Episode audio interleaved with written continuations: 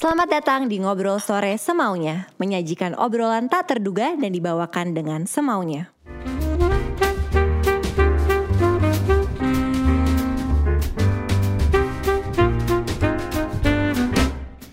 Hai, gue Putri Tanjung. Selamat datang kembali di Ngobrol Sore Semaunya. Hari ini bintang tamu um, gue sangat spesial. Gue sering um, I look up to him karena dia punya sebuah entertainment business yang menurut gue keren banget dan ekosistem. Dia sudah berkarya selama 16 tahun seorang produser, filmmaker, director, Mas Angga Sasongko. Hai. Hai Mas. Halo. Lo sudah siapkah Thank you ngobrol diundang. semaunya? Nih pasti abis ini banyak yang eh, pas pertama kali tayang pasti beberapa orang di kantor akan Ngecek. ngecek nyatetin satu-satu dengan tegang karena biasanya Angga tuh nggak boleh disuruh ngobrol semaunya karena berbahaya. kan. Berbahaya ya. Mas, gimana kesibukan awal tahun 2021? Lo lagi sibuk apa? Gimana nih Ah. two months, the first two months? Seru ya, maksudnya kita baru selesai syuting, eh, kami baru selesai syuting keluarga Cemara 2 Ya. baru kelar, terus eh, bioskop online mau rilis aplikasi, Iya, terus mega so excited. Vkampus juga lagi mau rilis aplikasi, baru mau launching, jadi ada banyak kerjaan di Q1, eh, walaupun kita juga di satu sisi yang produk-produk kita di bioskop harus eh, di hold dulu karena eh, ya kita masih belum ngeliat. Kan kita pernah rilis tuh ya satu film di Desember Melankolia tapi eh, kita lihat orang tuh masih masih agak takut gitu Iya, belum pede ke bioskop belum ya. pede. walaupun pada akhirnya nanti eh, mungkin dalam 3-4 bulan ke depan kami kami ini di dunia film harus mulai berani harus mulai berani naro film ke bioskop, Bioskop ya. kalau enggak bioskop ke- ke- kering, kering konten juga kan Iya, maksudnya kalau nggak ada konten baru kalau nggak ada konten baru eh, penonton juga bingung mau ngapain ke bioskop jadi ini kayak ini sih put kayak kayak apa namanya spider web gitu. Jadi satu sama lain harus saling Ya. saling ngunci gitu. Dan eh, ya berharap sama vaksinnya berjalan eh, lancar supaya angkanya turun. Kalau misalnya kita lihat Cina kan Ya. hari ini luar biasa. Cina tuh eh, first two months mereka udah eh, bikin box office records. Eh, dan udah passing eh, North America market Ya. Cina di dalam pandemi di Jepang Mugen Train jadi jadi the highest box office eh, of all time Ya. jadi ada dua dua negara tetangga gitu ya Cina sama Jepang yang box office rekornya itu break saat pandemi Wow. gitu. Mungkin nggak Indonesia ke sana? Mungkin. Hmm. Dan eh, sekarang secepat apa kita bisa laksanain vaksinasi Vaksin. massal, terus kita ngeliat angkanya turun, orang tuh udah rindu kok ke bioskop. Maksudnya Iya. kita di Visinema juga bikin bikin research tentang eh, apa namanya eh, demand orang ke, ke- pergi ke bioskop tuh masih tinggi Ya. gitu. Walaupun eh, di awal-awal mungkin rendah ya, eh, di bawah 50%, tapi setiap tiga bulan kita kita kita perbaruin researchnya dan sekarang tuh eh, adalah 62% Ya. orang dan mungkin nanti makin kasus makin turun akan tinggi karena trennya naik terus Ya. gitu. Jadi orang pengen nonton bioskop. Ya. Yang paling seru di dua bulan pertama ya nonton Tenet di IMAX. Gila nangis gua nonton Tenet di IMAX. Tapi gue ini sih mas, gue merasa semoga sih vaksinnya cepat. Apalagi untuk pelaku ini ya, pelaku Iya. industri ya, pelaku Iya. ekonomi. Karena kita juga jadi kerja jadi nggak pede kan sekarang. Karena nggak semuanya bisa kerja work from home kan. Exactly. Nggak bisa semuanya kerja dari rumah. Gimana mau syuting dari rumah nih pegang yang pegang kamera dari rumah. Bener. Gitu.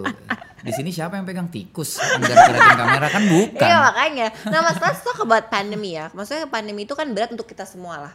Apalagi kita juga tahu di industri kreatif, di industri Hmm. perfilman. Tapi gue melihat lo ini adalah yang lumayan beda nih. Lo di pandemi menurut gue lo justru belum banget dengan semua inovasi-inovasi yang lo, yang Visinema punya gitu ya. Jadi let's talk about that mas. Kayak inovasi-inovasi yang lo buat di masa pandemi. Dan gue selalu penasaran sebenarnya the real cases tuh gimana sih di lapangan saat pandemi industri perfilman? Kalau yang jawaban yang pertama mungkin karena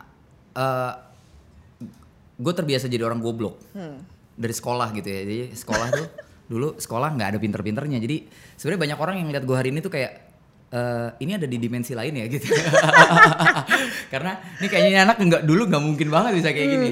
Eh, bisa bisa kerja cari duit aja udah untung nih harusnya enggak gitu. Tapi eh, eh, dulu tuh di sekolah yang gue lakukan selama SMP SD masih pinter-pinter lah, masih lumayan bisa ngikutin pelajaran gitu ya. Oke. SMP, SMA 3 tahun tuh sebenarnya yang gue lakukan adalah crisis management dan surviving gitu selama enam Oke. tahun. Oke. Eh, juara kelas adalah jadi yang paling bontot. Gitu. yang penting naik kelas soalnya. Iya gue juga gitu sih by the way. ya jadi jadi eh, mungkin eh, mentalitas itu yang akhirnya waktu pas oke masuk pandemi ah gue kayak gue perlu jadi jadi anak SMP sama SMA kayak gue dulu waktu di SMP SMA gitu ya. Maksudnya gimana ya untuk survive gitu. Dulu mungkin karena belum ngerti integritas jadi nyontek gitu Iya. kan. Dengan segala konsep nyontek udah gue lakuin gitu. Sumpah lu mas, parah. Gue adalah eh, chief of strategist Mantap, pers- pencontekan ya? percontekan di sekolah sih. Maksudnya eh, semua akan lari ke Angga Sasongko untuk gimana ya nyontek besok gitu ya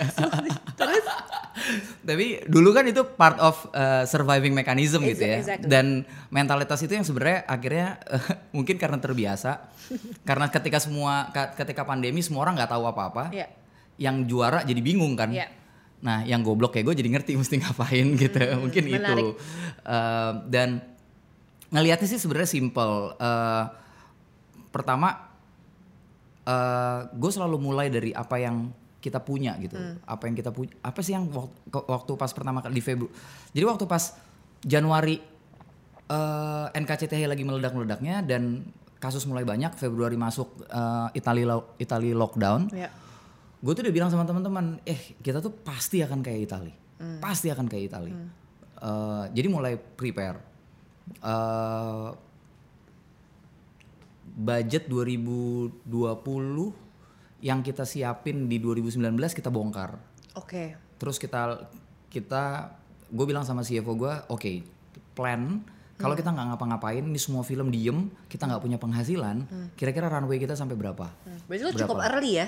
early early banget. Kita gua gue tuh ngumpulin ngumpulin tim gue tuh di Februari. Terus Wow. kita ngitung oke kalau kita nggak punya penghasilan nih sampai Desember nol bener-bener penghasilan nol. Cuman dapat dari NKCTI kita punya nol kita punya runway berapa panjang? Eh, terus CFO gue nanya lo mau punya runway berapa panjang? Oke lihat kalau kita punya runway sampai Desember Oke. sisa ki- duit kita berapa? Terus dihitung, hitung, hitung, oke sisa duitnya. Oke, berarti duit sisa yang ini, karena kita harus, gue udah mikir, gue nggak mau pecat orang, Iya.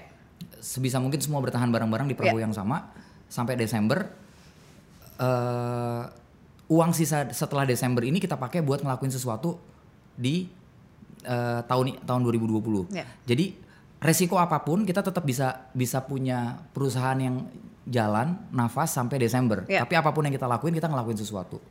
Dah. Habis itu gue kumpulin teman-teman. Eh gue tanya, pada mau bikin apa? Eh, ayo kita mau bikin apa? Terus eh ada yang nyaut di eh, forum visi nama kampus tuh kan di jalan Iya. dan so far eh, visinya adalah offline karena kita punya auditorium di, Iya. di kantor. Eh, tapi kita nggak mungkin nih ngejalanin eh, lagi karena Hmm. Pandemi. pasti akan pandemi, Iya. eh, pasti akan kayak Italia. Jadi gimana kalau kita eh, goes to digital? Oke. Oke, kita pikirin sama-sama idenya. Kita taruh satu. Oke. Terus eh, distribusi pasti bakalan mati. Iya. Eh, apa yang mau kita lakuin? Oke, kalau misalnya kita mau bikin OTT, bikin OTT kayak apa?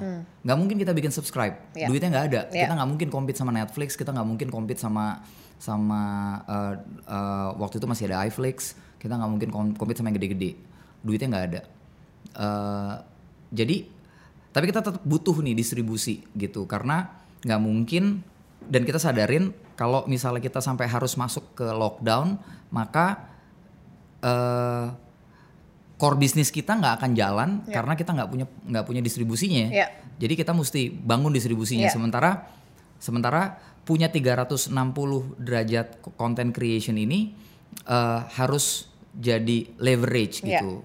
Oke, habis itu kita kita kita berpikir dan eh, muncullah ide-ide akhirnya oh iya uh, Visinema tuh punya advantage dalam arti selama kita 12 tahun uh, ada kita punya banyak teman-teman yang kita ajak kolaborasi selama ini. Ya. mulai dari ya Pak Gita chairman kita Mas Handoko Hendroyono di Filosofi Kopi. Kita pernah kerja sama Mas Andra kita pernah kolab apa namanya ngobrol banyak sama Mas Andra Matin untuk NKCTHI Meli Guslau Mas LFP orang-orang ini kalau dibikinin kelas kayak keren ya gitu, dibikinin mentorship kelas kayak divisi nama Iya. kampus tapi bentuknya bentuknya digital, eh, bentuknya eh, stream gitu. Dan akhirnya itu yang kita lakuin. Oke. Eh, namanya namanya V Campus. Kita udah punya 42 maestro. Jadi kita bilangnya master classes gitu. Eh, 48 sorry 48. Terus di bioskop online kita mikirnya waktu itu eh ada banyak banget sebenarnya film Indonesia yang keren-keren yang banyak kita nggak tahu dari filmmaker-filmmaker yang mungkin jauh juga dari dari epicentrum industri Iya. yang nggak punya ruang buat nonton Iya. eh eh, nggak punya ruang untuk mendistribusikan karyanya dan penonton secara niche-nya pasti ada gitu. Iya. Eh, akhirnya kita bikin bioskop online bentuknya pay per view karena kita nggak bisa bayar konten ya yaudah kita bagi-bagi hasil aja deh Ya. gitu ya bentuknya pay per view karena di Indonesia juga gue ngelihat eh, pay per view tuh eh, belum ada yang ngerjain Ya. Gitu jadi semuanya masuknya ke subscribe Ya. Sementara kalau di negara maju kayak Korea, kayak Jepang atau kayak Amerika, ada yang namanya premium video on demand. Jadi sebelum masuk ke subscribe, mereka masuk dulu ke pay per view gitu. Ya. Tapi namanya premium video on demand. Eh, IPTV di Korea gede banget gitu dan pendapatannya bisa sama kayak bioskop. Eh, nah kita mau mulai itu gitu. Oke. Eh, mulai dari yang kecil sebenarnya. Mulai dari apa yang kita punya. Nah, yang lucu adalah ternyata ada yang nyaut nih dari eh, eh, kita punya satu platform gitu eh, yang tadinya non profit Oke. yang kita mau pakai buat eh, yang kita pakai untuk eh, kerjasama sama guru-guru. Mereka bilang eh, si engineer kita bilang eh bisa nih pakai platform yang non profit walaupun perlu di enhance tapi Iya. at least kita punya 25% ya. Terus gue tanya untuk sampai 100% butuh berapa lama? Lima bulan mas. Nggak tiga bulan bisa nggak? Eh, Oke, cari vendor baru tapi tambahin vendor. Oke, tiga bulan ya. Oke, Iya. tiga bulan kita kerjain, kita kerjain. Jadi, nah, it, Wow, cepat Nah, juga ya prosesnya ya. karena gini sih, put di Visinema tuh kita punya satu punya satu prinsip kerja. Iya. Satu persen idea, 99% execution. Iya. That's the Jadi- most important thing. Iya, jadi lu kadang-kadang gue bisa aja ngobrol sama semua orang tentang ide gue sama Iya. strategi gue, tapi eh, poinnya adalah eksekusi gitu. Iya. Eh, dan dan itu yang kita yang kita terus terus em, apa namanya eh, enhance di Visinema. Jadi udah punya ide, kita ngobrol, ngobrolnya cuma- mungkin cukup dua sesi, abis itu yang penting besok execute. Jadi lu ideation tuh gak lama ya mas? Nggak lama. Kenapa? Karena pada akhirnya selama proses tiga bulan Iya. tetap akan terus ada, ada ideation kan. Iya. Walaupun Lo terus improve lah ya ide Iya, lo. walaupun bikin bikin vendornya burn out karena tiba-tiba ada ide baru, ide baru, ide baru. Terus tapi gue bilang lu daripada ya daripada lu nunggu idenya idenya matang, ide juga nggak akan pernah matang. Betul sih, setuju Sama gue. kayak sistem, sistem nggak akan pernah matang. Setuju. Sistem akan terus eh, berkembang, akan akan ngikutin eh, ikut tumbuh sama Iya. sama entitasnya gitu. Gitu sih. Jadi eh sama kayak misalnya contohnya eh, kita punya satu satu ada satu konsep juga eh, di Kids and Family Business kita lagi mau launch eh, di Q2 ini juga berangkat dari kegelisahan ngobrol-ngobrol aja. Eh, kita punya problem ini ini ini nih. Terus kayaknya kalau kita bikin ini terus kita kan udah punya animasi, kita udah punya ini, kita Iya. punya ini. Ini kalau digabung-gabung jadi produk baru nih. Iya. Bisa nggak? Bisa kayaknya. Terus tanya sama tim ops. Eh ini ngerjain ini berapa lama? Eh, kalau lo udah duitnya sekian, kayaknya empat bulan jadi jalan. Kalau gue ada duitnya bulan minggu depan bisa dua bulan nggak? Bisa. Oke kita kerjain aja deh gitu. ya udah abis itu gue satu minggu coba cari Iya. duitnya gimana Tapi caranya. that's the power of ecosystem gak sih mas? Eh, Karena lo iya. build the ecosystem jadi it's Iya. easy for you. Iya jadi ya kita chop chop Iya, coba-coba aja. bikin yang baru lagi, ini chop chop chop chop, bikin yang baru lagi gitu. eh jadi gini, yang paling menarik, kenapa kita bisa sampai di titik, kenapa kita bisa punya, bisa punya, kami bisa punya, Visinema bisa punya kapasitas itu karena keputusan waktu pertama kali dapat eh, investment eh, di equity Ya. eh, mungkin banyak tem ba- yang lain akan banyak fokus sama eh, capacity gitu ya. Ya. Dalam arti kalau misalnya eh, PH dulu kita kan production house dapat duit, oh beli kamera yang keren. Ya. Bikin ruang editing yang nyaman, bikin Kantor bikin baru. kantor baru segala macam. Kita enggak. Ya. Pertama kali kita dapat itu yang gue lakukan adalah bikin writers room Ya. eh waktu itu kita langsung kita langsung hire enam writer sekaligus Terus karena eh, waktu pertama kali dapat eh, fun, Ya. yang gue pikirin adalah gimana punya eh, brain. Ya. Ker- Core-nya tuh kan IP sebenarnya. Ya Ya, udah, ini betul. punya, ini core-nya IP. Ya. Ketika dia, ketika eh, dia muncul, lalu kemudian eh, ekosistemnya akan akan kelihatan kita butuh apa lagi. Betul. Gitu. Nah itu yang ki- kita lakukan dan dan dan pendekatan itu yang akhirnya membuat uh, Visinema kayak kayak hari ini kita sekarang punya tiga pilar eh, bisnis. Ya. Eh, content and entertainment itu ada empat. Ada uh, pictures, ada Visinema Pictures, ada Visinema Content, ada Visinema Music, ada Scriptura, Writers Roomnya, terus ada uh, Digital Business, ada sama Kids and Family Business. Mas, gue tuh selalu penasaran. Lo kan selalu bilang Korea tuh kan IP. Karena of course itu kan open up to more doors ya dengan Yeah. lo punya IP. Tapi lo kepikiran waktu itu bisnis core lo adalah IP, is it dari mulai awal atau kapan sih lo nyampe di stage bahwa oke, this is the future nih. Hmm, waktu abis dapat Piala Citra di Cahaya dari Timur. Oke. Jadi eh, lucu eh, situasinya tuh karena acaranya di Palembang. Setelah dapat piala gitu kan, set terus kita balik ke hotel. Ya. Terus gue sama Anggia naruh pialanya di kamar hotel. Terus Ini film pertama loh, langsung dikasih piala. piala dan pi- film terbaik. Iya. gitu. Nextnya apa ya? Akhirnya kita ngobrol dan kita sampai sama satu keputusan bahwa bukan dua yang kita cari. Nextnya bukan dapat dua atau Iya. dapat tiga, Iya. tapi nextnya apa yang beda dari ini. Oke. Jadi udah bukan itu lagi yang kita cari. Oke. Makanya setelah Cahaya dari Timur kita nggak bikin film, kita nggak bikin film dengan eh, film dengan apa namanya eh eh, North Star-nya festival gitu. Iya. Tapi kita malah carinya yang komersil sekaligus. Dan kita langsung mikir, oke, kalau satu piala ini dihasilin dengan empat tahun kerja, karena Cahaya dari Timur itu empat tahun kerja. Cahaya dari Timur empat tahun kerja sama Glenn bertiga Ya. Empat tahun kerja. Kalau piala ini dihasilin dengan empat tahun kerja, maka nggak boleh lagi empat tahun lagi untuk dapat satu piala. Oke. Jadi kita harus mikir dengan cara yang Gimana berbeda. nih? Ya. Jadi bukan persu misalnya, oh dari dari piala Citra harus piala Oscar, enggak, malah dari piala Citra harus jadi sesuatu yang berbeda gitu. Lu geser ya, Mas? Geser. Dan yang kita geser adalah kemudian yang kita pick bukan cerita yang bisa bawa mungkin piala kedua atau piala ketiga dan seterusnya, tapi yang kita pick adalah filosofi kopi Ya. waktu itu. Terus kita ngajak Mas Handoko Hendroyono gabung dan kita berpikir, oke gimana nih caranya filosofi kopi bisa uh, jadi nggak sekedar film. Ya. Uh, waktu itu uh, apa namanya? Gue pakai uh, perumpamaan kayak rujak. Ma, ini ini anggap aja nih ya, ini rujak nih. Uh, filosofi kopi filmnya itu cuman bengkoangnya, tapi bukan rujaknya. Nah kita harus berpikir rujaknya nih, Iya. gitu. Terus ya udah mulai mikir gimana caranya bisa punya sambil punya kedainya, terus kita bikin aplikasi. Jadi filosofi kopi itu user generated film pertama di Indonesia. Iya. Jadi kita bikin aplikasi, terus aplikasinya kita nanya orang gimana dan Lo bisa itu milih bajunya bisa milih baju dan segala kan? macam dan kemudian itu jadi ekosistem di niche-nya. Iya. Eh, dan filosofi kopi bu- sebenarnya bukan film yang ini loh put, bukan film yang box office. Iya. Eh, tapi eh, kita belajar cara dapat bisa nge-leverage niche marketnya. Ya.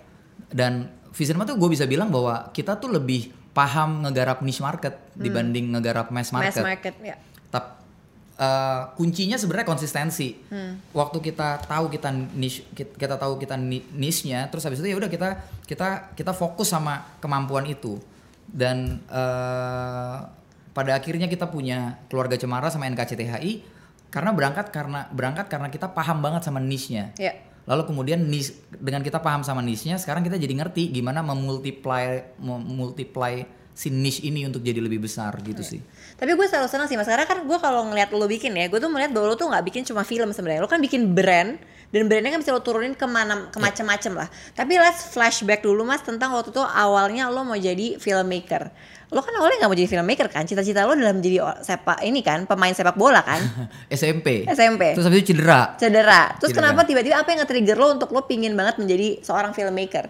Eh, film menemukan gue sih, Oke. gitu. Jadi kayak ya kayak dari gue bilang nggak sebenarnya masa muda masa remaja gue tuh mungkin gak ada yang bisa dibanggain gitu selain tukang berantem, tukang bolos gitu kan. Misalnya kabur dari rumah sering banget gitu. Nyokap gue sampai kalau kalau kabur ya paling balik lagi nih anak gitu. Lo suka kabur mas?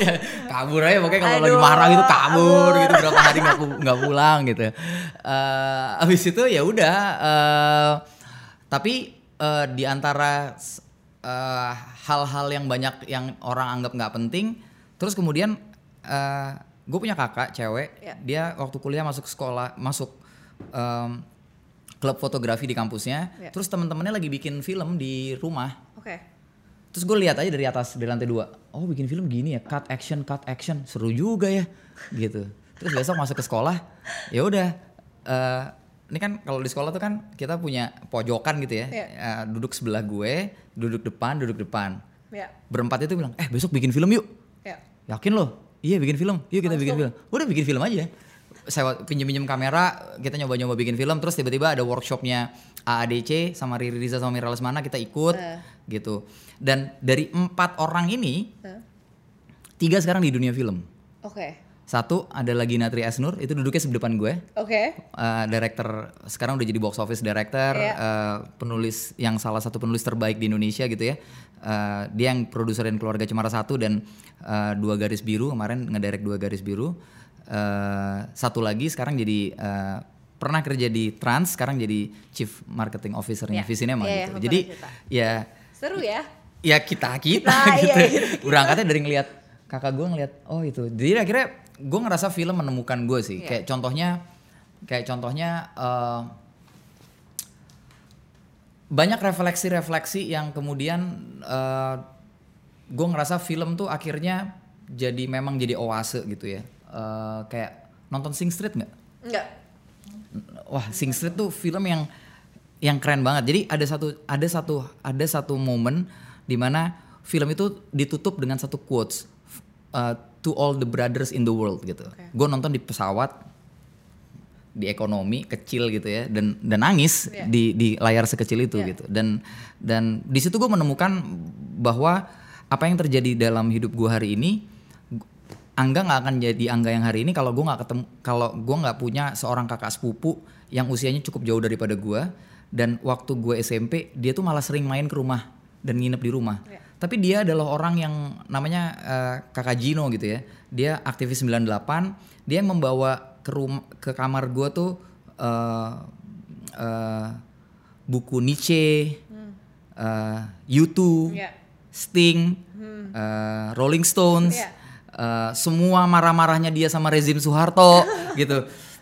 Ta- itulah yang kemudian akhir itu bisa gue bilang sebenarnya eh, balik lagi kalau tadi kalau tadi kenapa film karena gue punya momen itu, gue punya Iya. momen eh, sama salah satu the coolest brother in the world gitu ya.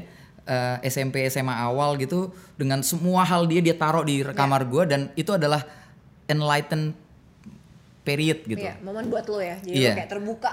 Terbuka dan punya semua. Jadi waktu gua SMA tuh gua agak bingung sama teman-teman sekitar karena eh gue dengerinnya YouTube gitu. Iya, iya, gue iya. ngertinya main Iya. gitar lagu One gitu. Yang Bener, lain You itu SMA ya. SMP Eh, bahkan. SMP iya. Gue ngertinya Sting lo kalau dengerin Sting gue ngerti. Walaupun kelihatan kayak tua banget kan Iya, saat itu iya, kan iya, tua iya. banget sih gitu. Tapi ya itu karena kakak kakak gue itu yang Iya. yang ngenalin dan dia ceritain kenapa liriknya kayak gini. Ini tuh dia dulu gini gini gini gini Hmm. semua diceritain sama dia. Lalu kemudian gue menemukan film di mana kemudian semua pikiran-pikiran yang mulai muncul ya enlightenment ya maksudnya setelah masa enlightenment itu pikiran-pikiran mulai muncul itu kelihatannya semua bisa dimanifest di dalam film. Iya. Akhirnya eh, bukan di dalam sepak bola ternyata atau Iya. bukan di dalam yang lain-lain tapi di dalam film sehingga akhirnya gue ngerasa ya film tuh oase Iya. hidup gue dan kayaknya eh, dan waktu itu eh, lulus SMA gue udah ngerasa bahwa gue mau hidup di sini gitu. Oke. Jadi dari lulus SMA gue udah mulai kerja di film. Nah, abis itu kan lo em, kuliah, lo gak selesai kuliah kan mas? Lo memutuskan untuk lo membangun nama aja deh, gue gak usah kuliah Gue gitu. makanya nggak mau diundang ke endgame Pak Gita. Kenapa? Ngomonginnya sekolah mulu, gue nggak bisa di. Gue pasti akan bilang sama Pak Gita itu 30 menit awal pasti nggak ada cerita gue kayak gitu. Gue nggak ke Stanford, gue nggak ke sini, gue nggak bakal nggak ada beasiswa. Lo akan kehilangan 30 menit eh, podcast Dari podcast lo, podcast lo ya. tuh. jadi gue mendingan jadi eksekutif produser aja deh. Maksudnya gue selalu penasaran sih, pertimbangan lo apa saat itu? Pertimbangan lo apa? Oke, gue mendingan membangun visi mana daripada gue lanjut kuliah. jadi waktu itu kuliah udah mau selesai. Oke. kuliah udah mau selesai eh, ada satu eh, media group yang ngasih gue eh, kontrak untuk ngerjain film pertama eh, nya Visinema sebenarnya. Tapi bukan film pertama in eh, dalam case kita punya A to Z jadi kita jadi kayak production service. Judul filmnya Hari Untuk Amanda. Oke. eh itu film yang eh, paling personal mungkin ya, maksudnya personal gitu buat gue. Dan waktu kita lagi ngerjain itu eh bukan project yang mudah karena budgetnya kecil banget. Oke. dan itu enam bulan yang stressful tapi di satu sisi harus tetap harus kuliah gitu dan dan dan dan kuliahnya juga stres karena eh, mesti eh, keluar masuk Depok pakai kereta terus kereta nggak kayak sekarang yang enak. Dulu mah Iya, kereta eh, bisa kayak Michael Jackson tanpa harus gantungan. Jadi gini aja gini gitu. Terus ada orang di bawah lewat set set misi Eh, dulu kan kayak gitu. Iya, iya, iya. Eh, wah tapi kereta ya, kereta itu kereta itu kereta yang paling paling keren lah. Kereta paling Jakarta lah ngelihat orang tiba-tiba jatuh gitu. Dari atas lagi gini terus tiba-tiba ada yang orang yang yang kesetrum jatuh terus dar gitu Sumpah mas, ya banyak memori ya. Wow. ini nggak tahu ya ada Itu gue punya satu cerita ini agak sedikit sedikit Mas, geser Tahun berapa? tahun 2000-an awal lah ya. 2000-an awal, oke. Eh 2000-an sampai 2005 tuh masih begitu. Ya, oke. Ada yang paling gor, ini gue cerita sedikit ini paling gor. Ini lagi duduk nih di sini nih. Eh, kan kereta kebuka, lagi kok kereta lagi sepi. Gue lagi tidur, set gerak-gerak gerak-gerak gerak-gerak gerak. Di pasar Minggu tuh an- kalau misalnya kita langsung maju, maju. Hah. Jadi yang di sebelah kiri aman. Oke. Karena platformnya di sebelah kanan. Oke. Tapi kadang-kadang itu kereta bisa tiba-tiba masuk ke kanan karena ada kereta yang dari Bogor yang pakai AC yang Iya, iya, yang iya, duluan iya, gitu. Ini kereta kagak pakai AC kadang-kadang Aduh. bayar juga nggak apa-apa, kan nggak bayar juga nggak apa-apa.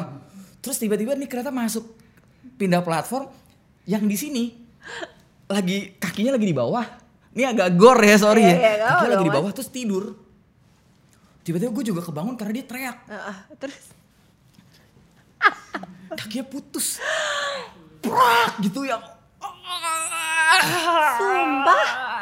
gila sih yang dan lo melihat itu gue nggak ngeliat peristiwanya tapi gue ngeliat udah ada darah sama udah ampun. teriak-teriak yang semua orang udah wah wah gitu itu gor filmnya Timo nggak ada apa-apanya lah banget ya, ya gitu. Itu kereta kalau misalnya lo pernah naik kereta kereta Iya. Jakarta Depok eh Jakarta Bogor zaman itu ya lo akan tahu lah itu adalah Jakarta sesungguhnya gitu. Dan lo akan belajar kehidupan di situ gitu. Keren banget sih. Eh ini mungkin perlu off the record tapi kayak misalnya kita bisa mi- miring gini ya putih kalau lagi zaman jam jam ini kita bisa miring gini tanpa harus pegangan karena orang udah padat banget. Oh my god. Udah miring begini tiba-tiba di bawah orang kusta lewat misi misi pakai pakai pakai sapu lidi gitu. Lu mesti terima itu gitu. Wow. terus abis itu lagi kayak gitu masuk lenteng agung. Wah ribut yang satu. Menarik ya. Lu bayangin Wow. lu bayangin Tokyo jam kerja. Main blown. Tokyo jam kerja Tokyo jam kerja ya ya kan Iya. tanpa manner Iya, iya, iya, iya, iya, iya. Wah, ya lo mendeskripsikannya dengan sangat baik sih. Iya, Iya, Tokyo langsung jam kebayang. kerja nih, Langsung wah, kebayang. tapi tanpa manner Iya, nah, lo waktu itu. kebayang. Sekarang mah udah lumayan, udah bagus banget. Du- Iya, nah itu itu, itu, dilema lo akhirnya lo memutuskan udah gue mata itu- kuliah jadi ke kampus aja tuh setengah mati Iya, sebenarnya. Karena waktu itu belum punya mobil, jadi harus pakai kereta. Ke kampusnya setengah mati. Hah sudahlah, udah ada kontrak nih, lumayan berapa miliar, kerjain aja deh ini, tinggalin aja lah kampus gitu. Terus akhirnya mengundurkan diri. Dan orang tua lo nggak kenapa-napa mas lo nggak kuliah lagi Eh, eh, kalau mungkin kalau tanya ini bokap gue sama nyokap gue hari ini ada di sini akan bilang ya dulu sih tante sama om angga asal nggak OD aja nggak apa-apa deh kayaknya gitu walaupun gue nggak pernah nyobain hal kayak gitu tapi Iya, dia iya, kayak iya. Ya anak gue mah ya selama udah unik lah dari ya kalau kecil ya. kalau kalau hidupnya bisa menghasilkan aja udah oke lah. Mungkin dulu mikirnya kayak gitu. Jadi gue mau diapain aja juga udah udah susah dikasih tahu ya. Eh. jadi ya udahlah. Mas tapi se- sepanjang perjalanan karir lo Kan ngomong semaunya kan ini iya semaunya bener banget bener nih. semaunya banget makanya udah gak ada flow. Mas tapi gue selalu penasaran kayak selama perjalanan lo berkarir di industri ini apa momen paling sulit buat lo dan apa momen yang paling lo tuh banyak banget belajar dari momen tersebut yang nggak pernah bisa lo lupain Bikin Cahaya dari Timur. Hmm. Bikin Cahaya dari Timur. Cahaya dari Timur tuh 4 tahun dan passion projectnya gue sama Glenn. ya Jadi waktu itu gini. eh Visirma kan transformasinya lumayan lumayan banyak ya. Mu- Kita mulai dari 2008 sebagai tadinya PH aja, maksudnya Iya. gue pengen punya kantor dan mulainya dari satu garasi eh, dengan satu karyawan dan satu teman partner namanya Bagus. Eh, sekarang jadi musisi bagusnya. Em, kita kita mulai cuman pengen supaya lebih independen aja. Oke. Eh, tapi ternyata kita sadar kalau eh, dan gue sempat gue sempat kecewa sama film. Jadi kita 2008 syuting bios eh, sorry syuting Hari untuk Amanda. oke 2008 Hari untuk Amanda, gue sam- dem- demi film itu gue sampai ngorbanin gak kuliah, maksudnya eh, se- eh, mu- mundur dari dari kampus. kampus. Tapi eh, karena waktu itu ada financial crisis, jadi eh, media group yang mem- mempunyai pro- project itu memutuskan untuk menunda. Oke. Sampai tahun 2010. oke. Jadi dua, 2000 2028 sampai 2010 tuh aus sama kelaparan tuh. ya Kenapa? Karena ngerjainnya rugi. ya Tapi waktu itu gue mikir, oh ya udah nggak apa-apa. Yang penting filmnya tayang. Kalau filmnya tayang, orang udah bisa lihat kita punya kualitas. Iya. Terus orang akan datang, eh, akan ada pekerjaan datang ke kita. Tapi kagak. Ternyata harus nunggu sampai 2010. Anjir nih udah rugi. Terus ngerjain apa lagi ya? Iya. Eh, akhirnya filmnya rilis tahun 2010. Tapi karena udah basi, jadi nggak punya momentum lagi. oke Kecewa ya eh, kecewa eh, sabbatical lah Eh, bikin save Mentawai terus pergi ke Mentawai dua tahun Oke. di Mentawai walaupun ya masih sambil syuting syuting video klip untuk nyambung hidup lah ya Iya.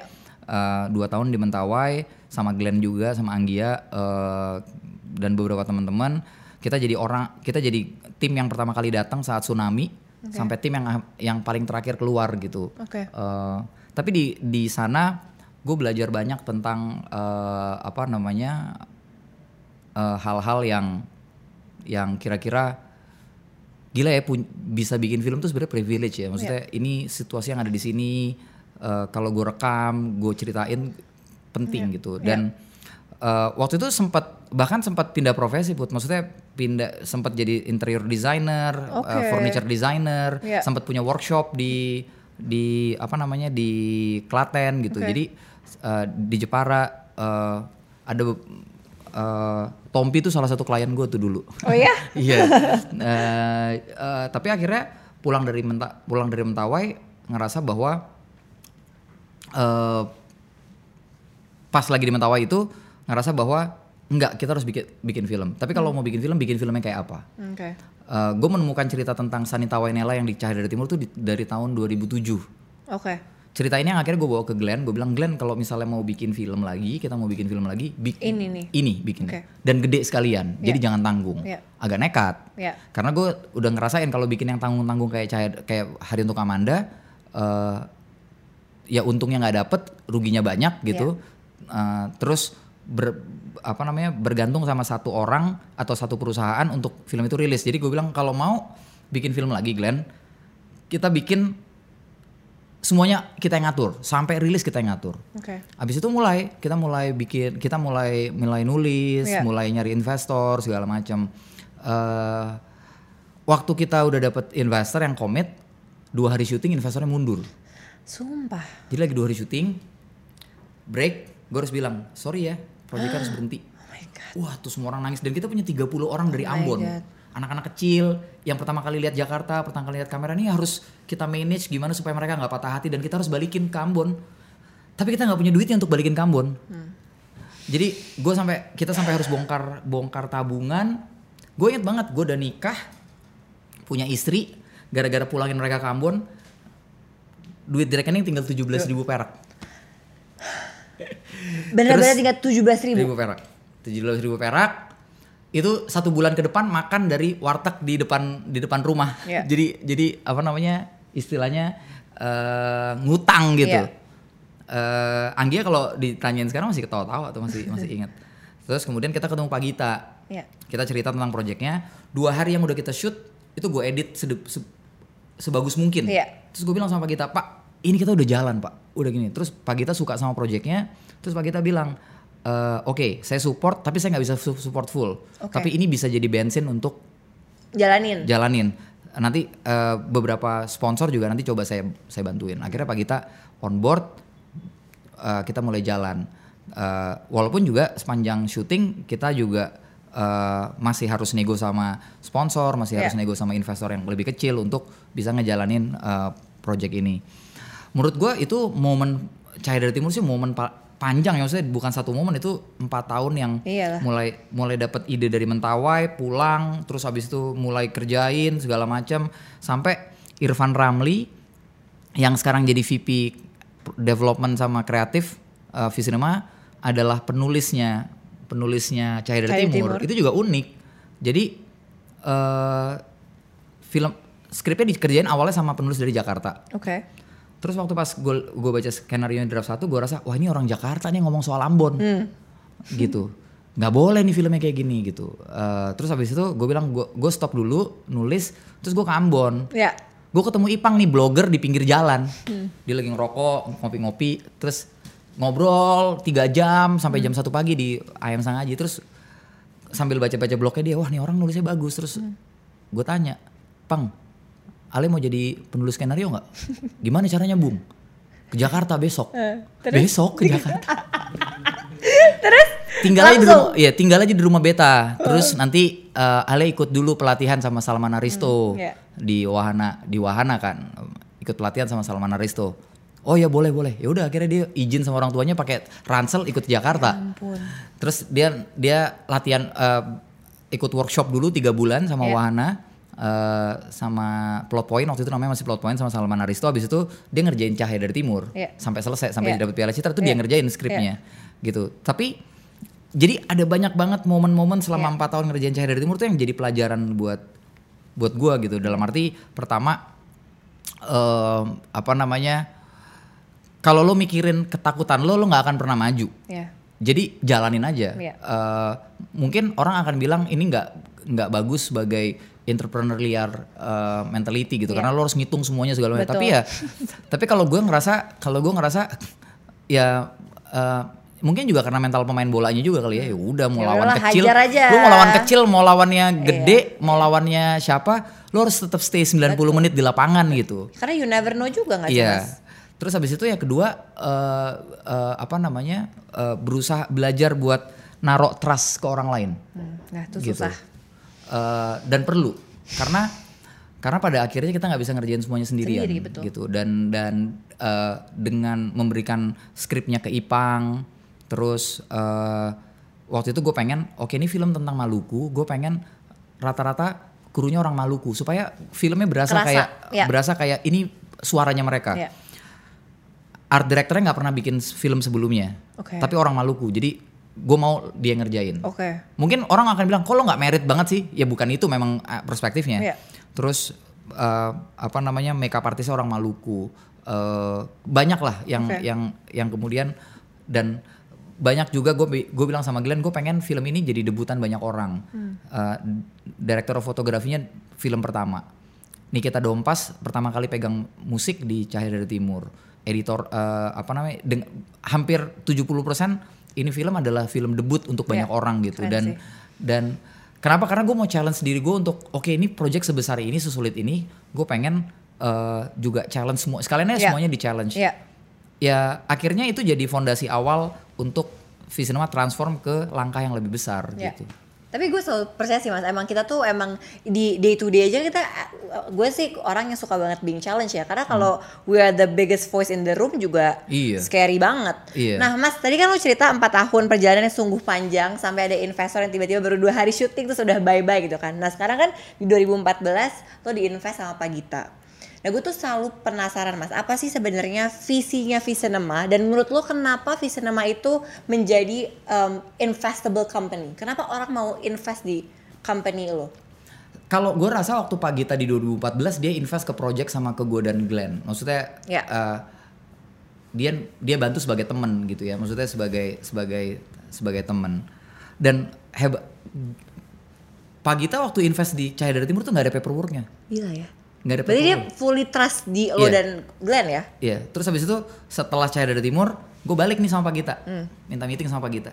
Terus Pak, gue bilang ngapain? "Eh, mau balikin Pak duitnya?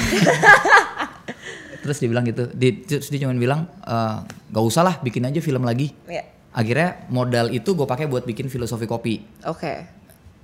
Balik lagi, gue Iya. balik ke Pak Gita, Pak, Pak. mau balikin lagi duitnya, bikin aja film lagi. Udah, gue bikin lagi film. Oh, oke. Eh, jadi tanpa ada kontrak, tanpa Itu ada udah apa pun, berjalan ya? Ada ada apa pun, dia juga mungkin tahu ya.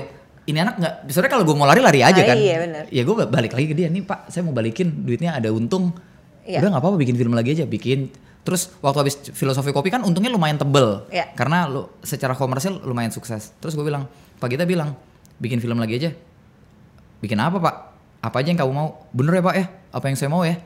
Bapak siapa yang eh, apa namanya eh, backingin saya ya? Gitu.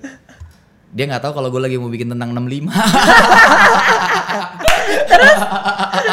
Terus abis itu pas pas udah selesai film dia nonton eh aman ya Pak nama Bapak saya taruh nggak apa-apa bagus kok filmnya ya udah jadi dia juga dia juga Iya. punya dia juga dia juga dia dia juga melihatnya sebagai sebuah karya seni sih Iya. jadi dia nggak punya tendensi politik apa pun Betul. di di Visinema dan nggak pernah use kita sebagai sebagai kendaraan atau apa pun gitu dan kemudian waktu akhirnya eh, bisnis modelnya bio, eh, filosofi kopi ini berhasil Iya. gue mulai bikin skema Visinema ke depan Oke. oke kita mau ke sini nih maksudnya nggak mau ah gini terus gitu Iya. kita kita bik- bikin eh, terus ada satu perusahaan media dari Malaysia juga datang nanya kita mau invest di kalian Ya. oke gimana nih ya caranya ya maksudnya lu mau invest in- invest tuh apa sih gitu Iya, kayak eh, kita punya roadmap tapi kita nggak tahu gimana kalau orang datang investor oke eh udah Iya. gue baca buku dikasih buku sama teman belajar oh gini ya model fundraising Iya. right issue segala macam secondary market apalah oke terus abis itu Jadi lo belajar dari nol ya mas? Iya da- belajar aja karena Iya. tiba-tiba ada perusahaan dari Malaysia eh kita mau invest ke lu valuasi lu berapa Hmm, ngitung valuasi nih. valuasi apaan ya valuasi apa nih aset nggak punya kantor aja nyewa gitu kan Iya, jadi iya. bingung akhirnya belajar belajar nanya nanya teman ada Iya. ada ada kebetulan gue punya beber- eh, beberapa teman yang juga ada di tech industry kayak Hasan Yahya gitu gitu yang kemudian eh, banyak banyak banyak ngasih masukan Eh abis itu sama si informa Malaysia kita nyebut valuasi ketinggian ah kagak jadi abis itu udah iya nggak jadi ketinggian ah cuman gitu doang Hah? wah rese nih Eh. Eh, terus tapi karena gara-gara ngebangun waktu diminta valuasi kan kita harus ngebayangin visi lima Betul, tahun gitu betul. mimpinya udah ada put Udah ada ya. anjir nih orang Udah Malaysia kan lu kasih gua ya. mimpi gitu terus tiba-tiba lu bilang nggak mau hah gue udah punya mimpinya nih Iya. tanggung amat gak dijalanin kan terus akhirnya gue ke Pak Gita gue bilang Pak Gita Pak ini kayaknya saya mau jalanin aja deh. Eh, maksudnya saya nggak mau sebenarnya kan ide bahwa pengen diinvest tuh nggak dari kita. Iya. ada media Malaysia Iya. datang kita Pengen mau invest. Ya. apaan tuh ya? Invest. Ya valuasi lu berapa? Gue mau invest. Iya. oke ntar ya. Kasih gue waktu tiga bulan. Gue bikinin roadmap tiga Hmm. bulan eh, apa namanya? Projection. Iya. eh, selama tiga bulan itu kita bikin projection lima tahun segala macam. Semua udah jadi lah Iya. decknya udah jadi. Kalau sekarang udah kenal lah ya deck lalala deck. gitu terus habis itu karena dia nggak jadi. Gila nih kita udah punya mimpinya. Iya. terus datang ke Pak Gita kita bilang sama Pak Gita. Gue bilang sama Pak Gita Pak gini deh Pak. Ini kita jalanin aja. Pak Gita kan punya investasi tuh Iya. yang selama ini diputer-puter mulus katanya nggak usah dibalikin duitnya. Dikonversi aja. Hmm. Pak Gita jadi eh, Pak Gita mau nggak jadi chairman? Dia bilang oke yuk kita jalanin gitu akhirnya sa- dari titik itu kita serius Ancora sama Visinema serius buat ngejalanin Visinema sampai akhirnya kita ketemu sama GDP terus ketemu sama Intudo dan kita kayak hari ini sih. Gitu. Mas, tapi gue kan sekarang du- industri film ini kan semakin rame ya di Indonesia. Tapi gue tuh selalu penasaran, sebenarnya what's the biggest problem sih mas dari industri perfilman di Indonesia? Karena menurut gue udah ada culture-nya, komunitasnya udah kuat banget. Tapi menurut gue kurang banyak yang terekspos dan kurang banyak yang bisa ke internasional. Nah, jadi what's the biggest problem? pertama mungkin orang akan bilang talent orang akan bilang penulis skenario kurang directornya kurang iya tapi kita nggak akan ke mana-mana kalau kita ngomongin cuma talent doang Iya. Eh, dan we should do something gitu di talent gimana caranya ya jangan cuma invest di jangan cuma invest di produk, invest juga di talent. Iya. Dan itu yang kita lakukan di Visinema kita invest besar di talent, eh, di, di talenta gitu. Tapi juga eh, menurut gue tuh eh, zamannya Pak Triawan, menurut gue sesuatu yang em, progresif waktu akhirnya DNI dicabut dan itu adalah advokasi advokasi yang menurut gue legasinya Pak Triawan lah sebagai KB Craft saat Iya. itu dan dan dengan itu ada banyak sekali uh, perubahan. Iya. Uh, uh, apa namanya? Pertama kita butuh layar, maka ada investor asing masuk bangun layar. Bisa, layar sekarang udah udah 2.500. Iya. Harusnya kalau sekarang nggak pandemi mungkin kita udah lihat 3.000 hari ini. Iya. Uh, dan itu juga uh, penting buat industri. Tapi yang paling penting sebenarnya bagaimana yang jadi challenge kalau tadi Putri tanya jadi challenge bagaimana membuat industri film tuh we put this industry into the map of uh, nation economy. Exactly. Eh, Nation aja deh ngomong Exactly. nation. Gimana caranya industri ini bisa one billion dollar industry Yeah. dalam let's say sebelum uh, pemerintahannya Pak Jokowi selesai misalnya. Paling nggak dengan kita jadi one billion dollar industry, kita pub- uh, apa namanya semua pembuat kebijakan tuh bisa ngelihat bahwa, bahwa industri ini penting. Ya. Tanpa itu kita akan cuma dilihat jadi uh, dari pendekatan budaya aja. Ya. Sementara kalau kita ngomong dari pendekatan budaya, sorry to say Indonesia nggak punya nggak punya nggak punya banyak nggak punya banyak effort di bagian sananya. Jadi kalau jadi mungkin ak- akhirnya eh, kalau kita mau dapat perhatian, kalau kita mau dapat eh, apa namanya, kita mau ada di mapnya. Kalau dari perspektif budaya, eh, walaupun memang film adalah adalah budaya gitu ya penting banget dan dan dan eh, apa namanya film bisa merepresentasikan kita sebagai bangsa tapi kok gue nggak ngelihat ini akan jadi signifikan ya Ya. karena kita akan kita akan kita akan masuk ke masuk ke kelompok yang juga banyak perlu dipikirin kayak misalnya eh, apa namanya museum eh, banyak hal lah yang Ya. yang sebenarnya di isu budaya tuh juga kita punya banyak sekali challenge Ya.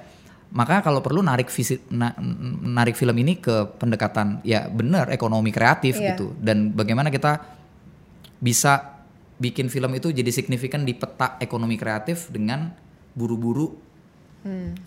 akselerasi untuk film jadi at least one billion dollar industry gitu. Oke. Itu sih yang paling penting sekarang. Iya. Eh, kita bisa bilang oh untuk dapat dari sana kita butuh ABCD. Iya, kita Iya. butuh ABCDE. Iya. Tapi kita perlu north star-nya. Iya. Kalau enggak kita akan nyalahin satu sama lain. Susah. Oh lu nggak ada Iya. penulis yang bagus sih. Iya nggak ada Iya. penulis yang bagus. Lu nggak pernah invest ke penulis. Iya. Eh, lu nggak ada nggak ada nggak ada film yang bisa mendunia sih. Ya iya lo kalau bandingin sama Tenet 3,2 triliun di sini mah jadi jadi jadi tol dari Jambi ke Medan gitu. Di sana cuma jadi film. Jadi jangan bisa diba- nggak bisa dibandingin, dibandingin, gitu. iya. Yang kita yang kalau mau tuh ya kita punya North Star-nya, Iya. semua stakeholder di industri mikirin ke North Star tersebut. Nah, Iya. menurut gua North Star-nya kalau buat kalau tadi Putri tanya gua, gua akan bilang ya how to accelerate this uh, industry become one billion dollar industry gitu. Oke. As Mas, soon as possible. Yes, Mas, another external issue yang lagi hot dibicarakan adalah kan pembajakan. Dan I know that you take it very seriously. Hmm. Iya. Gue kemarin baru ngobrol sama Panji tentang pembajakan di sini juga. M- mungkin pan- peman- eh, pandangan lo akan beda banget. Panji nih. pasti pakai daftar, daftar pustaka ya kan? nah, dan kemarin lo juga sampai melaporkan kan ke pengadilan, ke pengadilan kan. Kenapa sih Mas? What's the apa sih sebenarnya core problemnya? Apa core problemnya and how do we fix it? Kalau Panji punya investment uh, di uh, punya investment karyanya 5 sampai 10 juta dolar sebul setahun, Ya. mungkin dia akan ngerasain apa yang gue rasain gitu itu problemnya Oke, mungkin oke. jadi jadi eh, pembajakan tuh gue gue sadarin banget bahwa pembajakan tuh nggak akan bisa diputus Ya. Gitu karena nggak cuma terjadi di film dia juga terjadi di musik dia terjadi di fashion Iya. dia terjadi di banyak hal gitu Eh, bahkan waktu gue bikin furniture aja bisa kok Iya. tinggal eh, apa namanya derajat kakinya dirubah Iya, sedikit bener. moldingnya dirubah terus kemudian tiba-tiba itu jadi itu jadi itu jadi paten yang baru itu jadi tapi, kan itu pembajakan juga Iya. sebenarnya jadi eh, perspektifnya bisa bisa banyak tapi persoalannya adalah kita nggak bisa menormalisasinya Hmm, ya. karena pembajakan juga ilegal Yes. gitu kalau kita bisa menormalisasi pembajakan nanti lama-lama kita yang kita normalisasi narkoba, yang lama-lama kita nor- normalisasi korupsi, karena sama-sama sama-sama ilegal gitu. Iya. Kalau lo bisa punya 70 daftar pustaka untuk bisa menormalisasi pembajakan, ya eh, bukan berarti eh, pembajakan itu benar Iya. gitu. Eh, yang bisa dilakukan adalah sekarang sebenarnya menempatkan pembajakan dalam koridor yang objektif. Oke. Apaan? Ya hukum. Hmm. Jelas kok kalau di negara seliberal Amerika yang hukum perdatanya aja lebih dipentingin dibanding hukum hukum pidana. Maksudnya Iya. kalau misalnya lo punya dispute sama karya cipta kan biasanya masuknya ke perdata kan, Iya. Eh, bukan ke pidana. Iya. Tapi begitu karya lo dibajak, begitu di copy tanpa ma- tanpa izin, udah jadi pidana kok Iya. Bahkan di negara se em, apa namanya eh, yang yang kayak Amerika gitu eh, di Indonesia juga jadi pidana gitu dan ya kenapa kita nggak tempatin itu di di situ Ya. dan dan itu yang gue- sekarang eksperimentasi yang lagi lagi lagi gue lakukan di lewat Visinema sama Visinema adalah kita nggak pernah ngelihat kalau pembajak ini sampai ke meja hijau Iya. dan sekarang kita lihat sampai ke meja Iya. hijau dan dan benar kan bahwa Iya. ini adalah kejahatan gitu Iya. Masa kita mau normalisasi kejahatan dengan 70 daftar pustaka? Ya nggak bisa juga. Bisa, ya. ya kita juga nggak akan bisa benar kita nggak akan bisa memotongnya atau atau menghentikannya. Tapi at least kita bisa ngelawannya. Iya. ngelawannya bisa dengan dua cara. Pertama kita lawan dengan dengan koridor hukum yang berlaku. Oke. itu objektif. Kedua kita lawan dengan solusi. Iya. sekarang kalau ditanya gue emang ngapain aja? Iya gue naruh orang ke meja meja hijau sampai ke sana dan itu effortnya nggak mudah put karena Iyalah, di sini karena di sini kita kenanya delik aduan Oke. jadi misalnya gini misalnya eh, ada situs bajakan tapi nggak ada filmnya Visinema kita nggak bisa ngelaporin situs pembajakan itu I see. kita cuma bisa ngelaporin kalau ada, Ada karya film. ada karya kita yang dibajak karena itu delik aduan. Tapi di satu sisi I I also walk the talk gitu. Aku gue bikin bioskop online Iya. yang lo 5000 bisa nonton film. Bisa beli pakai pakai bisa beli pakai eh, e-wallet Iya. gitu. Kalau misalnya selama ini eh, pembajakan itu selalu di eh, normalisasi atau diasosiasi dengan eh, apa namanya aksesabilitas yang kurang terhadap konten atau atau daya beli, Iya. ini goceng. Iya. Kalau lo bisa beli kopi saset, Ya lu bisa beli. lo bisa beli. Iya. Kenapa lo? Ya, eh, Jadi kenapa- memberikan solusinya. Iya, gue juga ngasih solusinya. Sekarang sekarang eh, apa namanya eh, orang-orang yang membela bajakan kan sebenarnya mungkin di satu sisi juga bisa jadi menikmati eh, akses tersebut. Iya. Memang jujur aja, eh, terutama misalnya kayak gue kayak gue sebagai cinephile juga gitu yang suka banget nonton film, mungkin punya kesulitan untuk nonton film-film yang yang nggak ada Iya.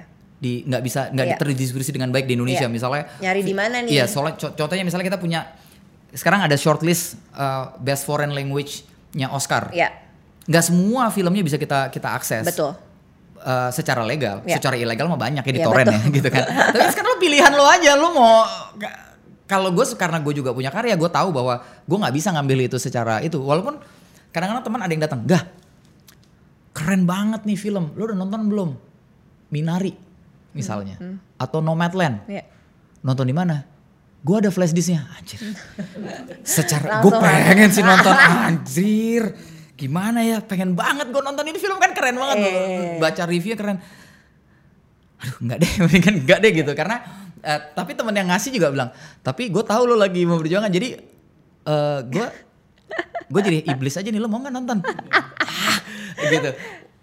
Di di di di another circumstances mungkin gue jadi orang yang pengen nonton Iya. gitu karena juga punya kebutuhan untuk Betul. nonton sesuatu film yang monumental gitu Iya. ya Em, tapi ya pada akhirnya eh, gimana ya kalau itu terjadi di gue ya Iya, gitu makanya. kan itu kan Iya, itu karena juga lo punya karya juga kan, jadi lo Ah, ah. merasakan. iya jadi ya ya pasti akan tetap selalu ya di di jadi gini gue selalu percaya put di setiap hal mulai dari kayak isu pembajakan Iya. ide-ide tentang kemajuan perfilman bagaimana atau bahkan public policy gitu eh, eh, bikin bikin kebijakan skala nasional gitu di pemerintahan pasti punya paradoks Iya.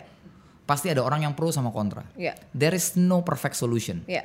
tapi ada better solution Yes. gitu sekarang kita mau lihat better solutionnya enggak gitu Eh, pertama maksudnya better solution kalau dalam konteks pembajakan ya balik lagi ke North Star tadi one billion dollar industry. Iya. One billion dollar industry ini mau dinikmatin sama pembajak Iya. yang nggak punya investasi apa-apa, yang kemudian nggak punya trickle down effect, atau kita mau fight supaya paling tidak tetap ada nggak apa-apa, tapi nggak kayak sekarang. Sekarang tuh dari aplikasi aja mereka bisa dapat 400 keuntungannya 418 miliar. Iya. Mungkin orang yang 10 tahun kerja mati-matian buat bikin film belum tentu bisa ngeli pernah ngelihat di rekeningnya 800 418 miliar Iya, gitu. Eh, dan dan bayangin kalau lap- 418 miliar ini masuk ke industri yang legal Oke. terus kemudian bisa membuat eh, apa namanya? Kesejahteraan kru jauh lebih baik. Iya. Ke- Kemudian kan itu trickle down. Betul. Kalau pembajakan kan nggak mentok aja di Mentok, atas, iya. mentok di elitnya Betul. yang punya yang punya akses, yang punya server, terus eh, apa namanya pengiklan-pengiklan judi Iya. gitu, yang ya udah di situ aja berhentinya. Iya. Eh, ya sekarang eh, buat orang yang selalu menormalisasi pembajakan, lo ada di mana standpoint? eh, Standpoint lo. Iya, udah itu aja sih. Tapi gue suka sih kata-kata lo bahwa there's always a better solution. Ya. Oke, Mas, karena kita dari tadi udah agak berat ya pembicaraan kita.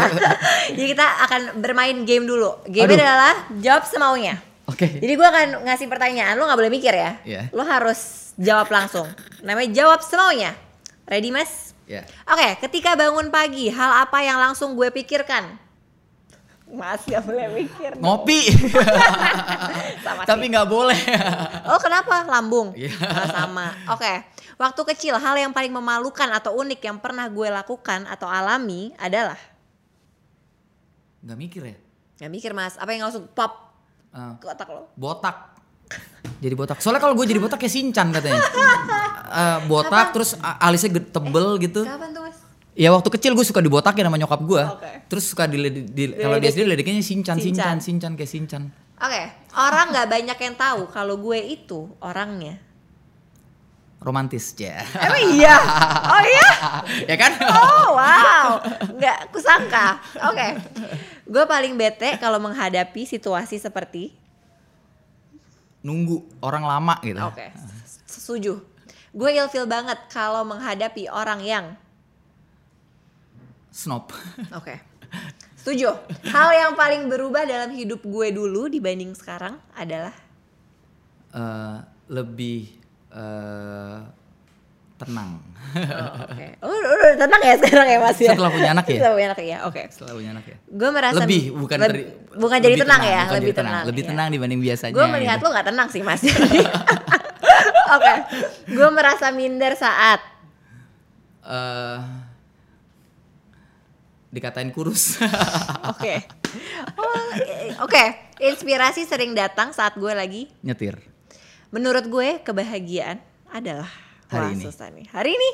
Jadi lo me- melihat bahwa setiap hari itu adalah kebahagiaan. Ya, gue ngerasa apa yang gue punya sekarang sih ya I call it happiness ya. Maksudnya pagi, maksudnya eh, setiap pagi tuh anak gue tuh selalu pindah kamar, pindah tempat tidur cuman buat kalau bangun tuh perlu meluk gue dulu gitu. Nah, hal-hal kecil kayak gitu tuh kadang-kadang ya that's the meaning of happiness gitu. Maksudnya em, ya kayak tadi aku cerita ya put- eh, punya pengalaman selama pernikahan pernah punya duit cuma 17.000 ribu nih Iya. kalau istri sakit gue nggak tahu nih bayar gimana nih gitu nggak punya asuransi nggak punya Iya, apa pun iya. gitu Eh, tapi eh, apa namanya pernah juga eh, dapat rezeki pada akhirnya rasanya sama aja Hmm. tapi rasa yang beda ya rasa-rasa punya eh, punya rasa eh, berarti gitu Hmm. Eh, dan dan apa namanya kayak misalnya jadi orang tua terus ngelihat anak tuh ngerasa kita tuh berarti buat Iya. dia atau misalnya jadi bos yang kemudian terus tiba-tiba ada ada ada teman atau karyawan datang masuk ke ruangan cuman bilang thank you ya udah dikasih kesempatan maksudnya lu hal-hal kayak gitulah. Setuju. dan menurut gua sekarang eh, tugas gue di Visinema ya memberikan menjadikan Visinema sebuah platform untuk banyak orang berkarya Iya. bukan tentang tentang angga lagi gitu Iya. Iya sih, gue setuju banget karena sebaik sebaiknya manusia adalah manusia yang membuat baik untuk banyak orang. ya berarti lah ya. Berarti banyak orang, betul. Mas, gue tadi kan lo ngomongin anak, gue selalu penasaran value apa sih yang lo tanemin ke anak-anak lo, ke anak lo. Eh, harus tahu maunya apa Oke. Jadi gue tuh dari awal eh, sama Anggia nggak pernah maksa sesuatu. Oke. Kalau mau makan makan, kalau enggak ya enggak dan lo tahu konsekuensinya kalau enggak ya lo kelaparan. Ya. Jadi value yang pertama kali yang lagi yang sampai hari ini kita ajarin adalah konsekuensi. Jadi lo boleh milih apa aja, lo boleh milih mainan, eh, lo boleh milih baju yang lo mau pakai, lo boleh milih eh, makanan yang lo mau makan, lo boleh milih ma- mainan misalnya bu- bukan konteks dalam arti oh masuk ke toko mainan pilih mainan Iya. enggak, maksudnya lo mau mainan yang loncat-loncat ya nggak apa-apa kalau lo jatuh sakit lo tanggung sendiri Iya. ya gitu. Lo mau main gunting, tapi kalau kena ya dia harus dia rasain rasa sakit Iya. gitu. Jadi eh, mungkin yang pertama kali dilak pertama yang sekarang lagi sebagai orang tua kan kita juga eksperimen ya. Maksudnya yang kita lagi eksperimentasi ya gitu mengajarkan Rigel hari ini eh, eh, dia punya pilihan, dia berhak memilih dan dia harus dia belajar untuk terima konsekuensinya. Iya. Kayak misalnya contohnya karena itu kita pernah punya satu momen yang dramatis banget, Put. Hmm, kenapa Anjir, tuh, gua Mas? kayak jadi karena kayak jadi anak gue lagi main di kamar. Oke. Dia main gak tahu. Jadi dia ngelihat dia ngelihat dia ngelihat sesuatu di TV main main skateboard gitu. Terus dia membuat sesuatu pakai jadi skateboard. Oke. Terus jatuh, palanya bocor. Aduh. Kita baru tahu tuh sejam setelahnya.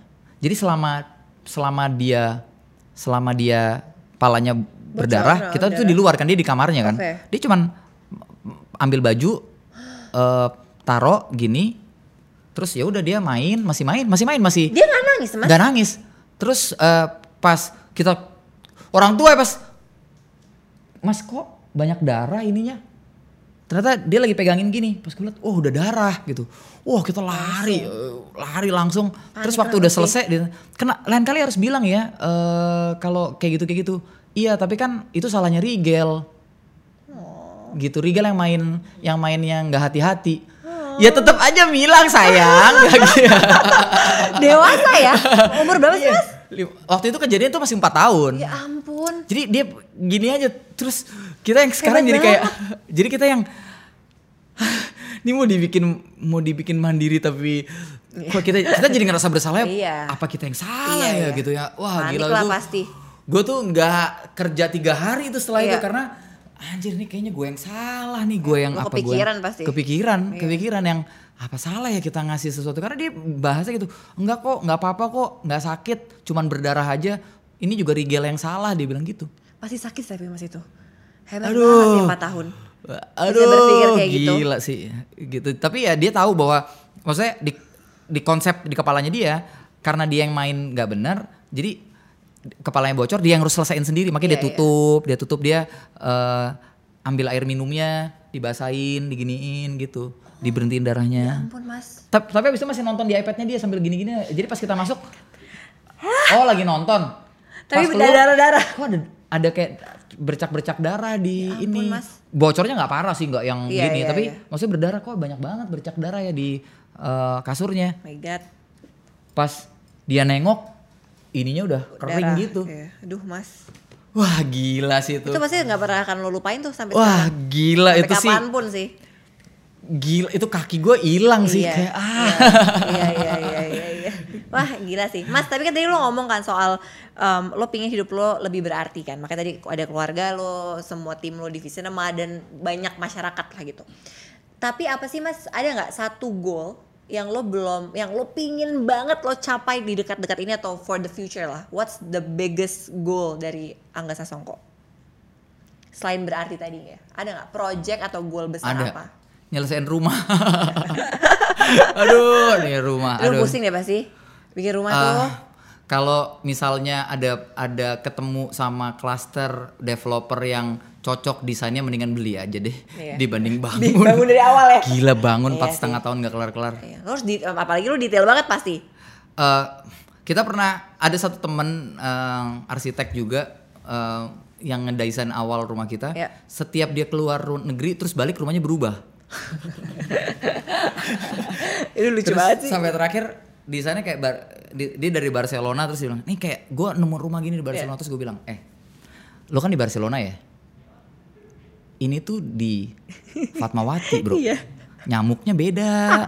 Di belakang ada kebon, ya kan di belakang ada kebon, terus eh, suhunya beda. Iya. Terus gue suruh keringetan nih di rumah kayak gini. terus kalau malam gue boleh gue berantem sama nyamuk gitu. Iya, gimana Ya, nih? iya. Ya lucu sih maksudnya ya ya itu maksudnya kalau misalnya kita bangun rumah kan eh, apalagi kita pengen detail gitu ya, Ya, eh, dan kita kita hire se- seorang arsitek yang juga punya punya mindsetnya. Iya. ya komprominya banyak banget. Betul, dan iya. dan dan ya sampai sekarang ya sekarang udah 70% jadi gua Duh panjang sih prosesnya. ya 30% lagi. Kalau itu jadi wah gua kayak setengah beban hidup gua setengah beban hidup gua selesai lah gitu. Semoga cepat jadi lah mas. amin. Mas, last question di ngobrol sore semuanya tuh gue selalu tanya ke bintang tamu yang datang gitu ya. Gue selalu tanya apa sih kalau misalkan nih nanti Mas Angga lima tahun lagi nonton lagi nih ngobrol sore semaunya. Apa pesan untuk Mas Angga sendiri di lima tahun ke depan? What do you wanna say ke Mas Angga di masa depan? Di lima tahun ke depan. Ini ada Mas Angganya di sini nih, lima tahun. Angga hari ini Angga yang lagi belajar bilang cukup jadi mudah-mudahan lima tahun ke depan udah bisa bilang cukup Nice. Woo! Mas Angga, thank you so much. Terima kasih. Ini benar-benar ngobrol sore semaunya. terima kasih Karena tiba-tiba dari A ke B ke C ke Z. thank you so Thank much. you, thank you. Terima kasih untuk teman-teman yang sudah nonton ngobrol sore Thank you. semaunya di CXO Media. Jangan lupa nonton terus NSS di CXO Media setiap hari Kamis jam 6 sore. Bye bye.